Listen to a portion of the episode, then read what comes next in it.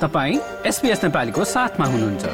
अरू रोचक सामग्रीहरूका लागि SBS dot com dot slash Nepali जानुहोस्।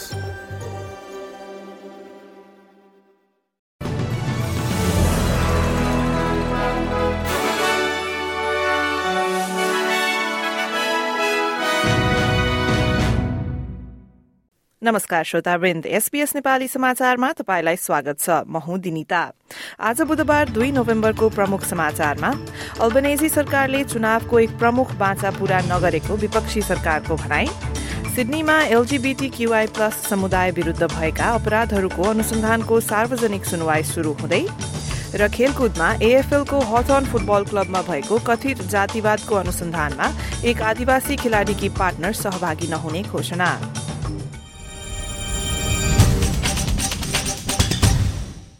अब समाचार विस्तारमा अल्बनेजी सरकारले चुनावको एक प्रमुख बाचा पूरा नगरेको विपक्षी सरकारले बताएको छ लेबरले मुद्रास्फीति र बढ़दो ब्याज दरका समस्याहरूलाई नियन्त्रण गर्न कुनै ठोस योजना प्रस्तुत नगरेको ट्रेजरीका प्रवक्ता एंगस टेलरले बताए राष्ट्रिय प्रेस क्लब समक्ष उनले भने But the biggest broken promise is the one the Prime Minister made before the election. The promise that no one would be held back, no one would be held back, and no one would be left behind. This is a budget that tells Australians the government knows that it's tough but doesn't have the solution. सन् उन्नाइस सय उनानब्बेमा सिडनीमा हत्या भएका एक पुरूषको परिवारले घटनाको तीस वर्षपछि एक विशेष छानबिन आयोगले केही जवाब दिने आशा व्यक्त गरेका छन्। सिडनीमा समलिङ्गी र तेस्रो लिङ्गी व्यक्तिहरू विरूद्ध भएका अपराधहरूको अनुसन्धानको विशेष आयोगले आफ्नो पहिलो सार्वजनिक सुनवाई शुरू गर्दैछ। सन् उन्नाइस सय सत्तरी र दुई हजार बीसको बीचमा सिडनीमा हत्या भएका अठासी जना समलिङ्गी पुरूषहरूमध्ये जोन रसल पनि एक थिए।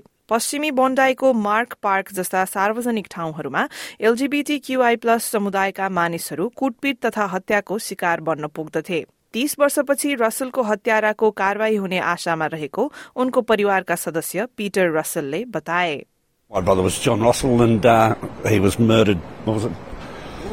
1989 and uh, yeah, he was thrown off a cliff at Marks Park. Uh, and as I said, uh, we still haven't got a result after three coroner's inquests and plenty of media coverage and everything else. So basically, this is our basic last chance looking for answers. अर्को सन्दर्भमा अस्ट्रेलियाको लाखौं dollar बराबर केरा उद्योग ढुसीको समस्याका कारण खतरामा परेको छ बनाना फ्रेकल नामक उक्त समस्याका कारण नर्दन टेरिटरीका जैविक सुरक्षा अधिकारीहरू सतर्क भएका छन्। उक्त ढुसीका कारण केरामा कालो रंगका दागहरू देखा पर्न थालेपछि बिक्री गर्न मुस्किल भएको हो। यस अवस्थाको बारेमा नर्दन टेरिटरीको उद्योग विभागकी जैविक सुरक्षा प्रमुख डाक्टर एन वाल्टर्स यस्तो बताउँछिन्। What we're trying to do is work out where the banana freckle is so that we can er, eradicate the pest before it becomes too widespread and affects our obviously very important banana industry, not just in the Northern Territory but also in other locations nationally. अब बाढ़ीको विषयलाई जोडौं। New south वेल्समा पञ्चानब्बे सक्रिय बाढ़ी चेतावनी र दसवटा निकासका आदेश सहित विभिन्न नदी प्रणालीहरू बाढ़ीग्रस्त अवस्थामा रहेका छन्। गण्डगाईमा आएको बाढ़ीको सतह सन् उन्नाइस सय उनानब्बेको बाढ़ीको भन्दा बढ़ी हुन सक्ने बताइएको छ र सदन टेबल ल्याण्ड्सको बाढ़ीमा बेपत्ता भएका दुईजना पुरूषको खोजी कार्य जारी छ। त्यस्तै उता भिक्टोरियाका बाढ़ी प्रभावित क्षेत्रहरूमा आफ्नो घर फर्किरहेका बासिन्दाहरूलाई लामखुट्टे ढुसी र पानीबाट हुन सक्ने संक्रमण र रोगलाई लिएर सतर्क हुन बताइएको छ। आउँदा दिनहरूमा वर्षाको क्रम घट्ने र मानिसहरूले सरसफाई गर्ने वातावरण हुन सक्छ। यद्यपि आउँदो छदेखि आठ हप्ताभरि औसतभन्दा बढ़ी पानी पर्ने अनुमान पनि गरिएको छ। अर्को सन्दर्भमा युनिभर्सिटी अफ मेलबर्नले करिब पन्ध्र हजार जना वर्तमान र पूर्व क्याजुअल कर्मचारीहरूलाई गलत भुक्तानी गरिएको कारण दुई करोड़ बीस लाख डलर तिर्ने भएको छ। ब्याज र सुपर एनुएसन गरी प्रत्येक व्यक्तिको भागमा औसत एक हजार चार सय छहत्तर डलर पर्ने अनुमान छ।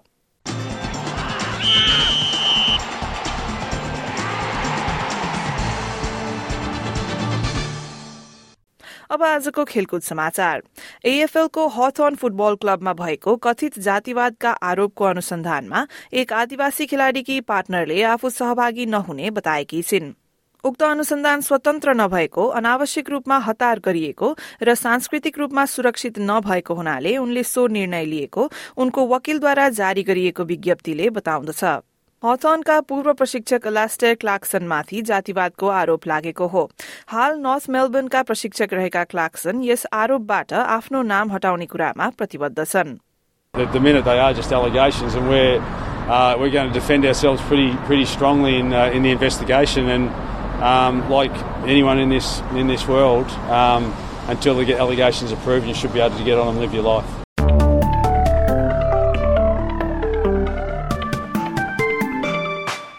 अब भोलि बिहिबारको मौसम सम्बन्धी विवरण। भोलि पर्थमा घाम लाग्दै अधिकतम तापक्रम एकतीस डिग्री एडिलेडमा आंशिक बदलीका साथ अठार डिग्री मेलबर्नमा पानी पर्दै तापक्रम पन्ध्र डिग्री त्यस्तै पन्ध्र डिग्री रहने होबार्टमा बादल लाग्ने। क्यानबेरामा आंशिक बदलीका साथ सत्र डिग्री वोलङ्गङमा पानी पर्दै तापक्रम बीस डिग्री सिडनीमा साँझको समयमा पानी पर्न सक्ने तापक्रम भने अधिकतम एक्काइस डिग्री न्यूकासलमा घाम लाग्दै तापक्रम तेइस डिग्री ब्रिस्बेनमा पनि घाम लाग्ने तापक्रम पच्चिस डिग्री त्यस्तै मौसम रहने केन्ट्समा तापक्रम अधिकतम तेत्तीस डिग्री र डार्विनमा पानी पर्दै हुरी बतासको सम्भावनाका साथ अधिकतम तापक्रम भने तेत्तीस डिग्रीसम्म पुग्नेछ।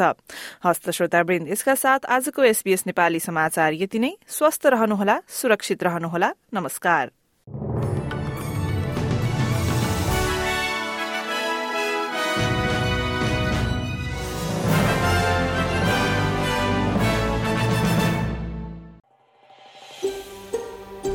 यो जस्तै अन्य प्रस्तुति सुन्न चाहनुहुन्छ?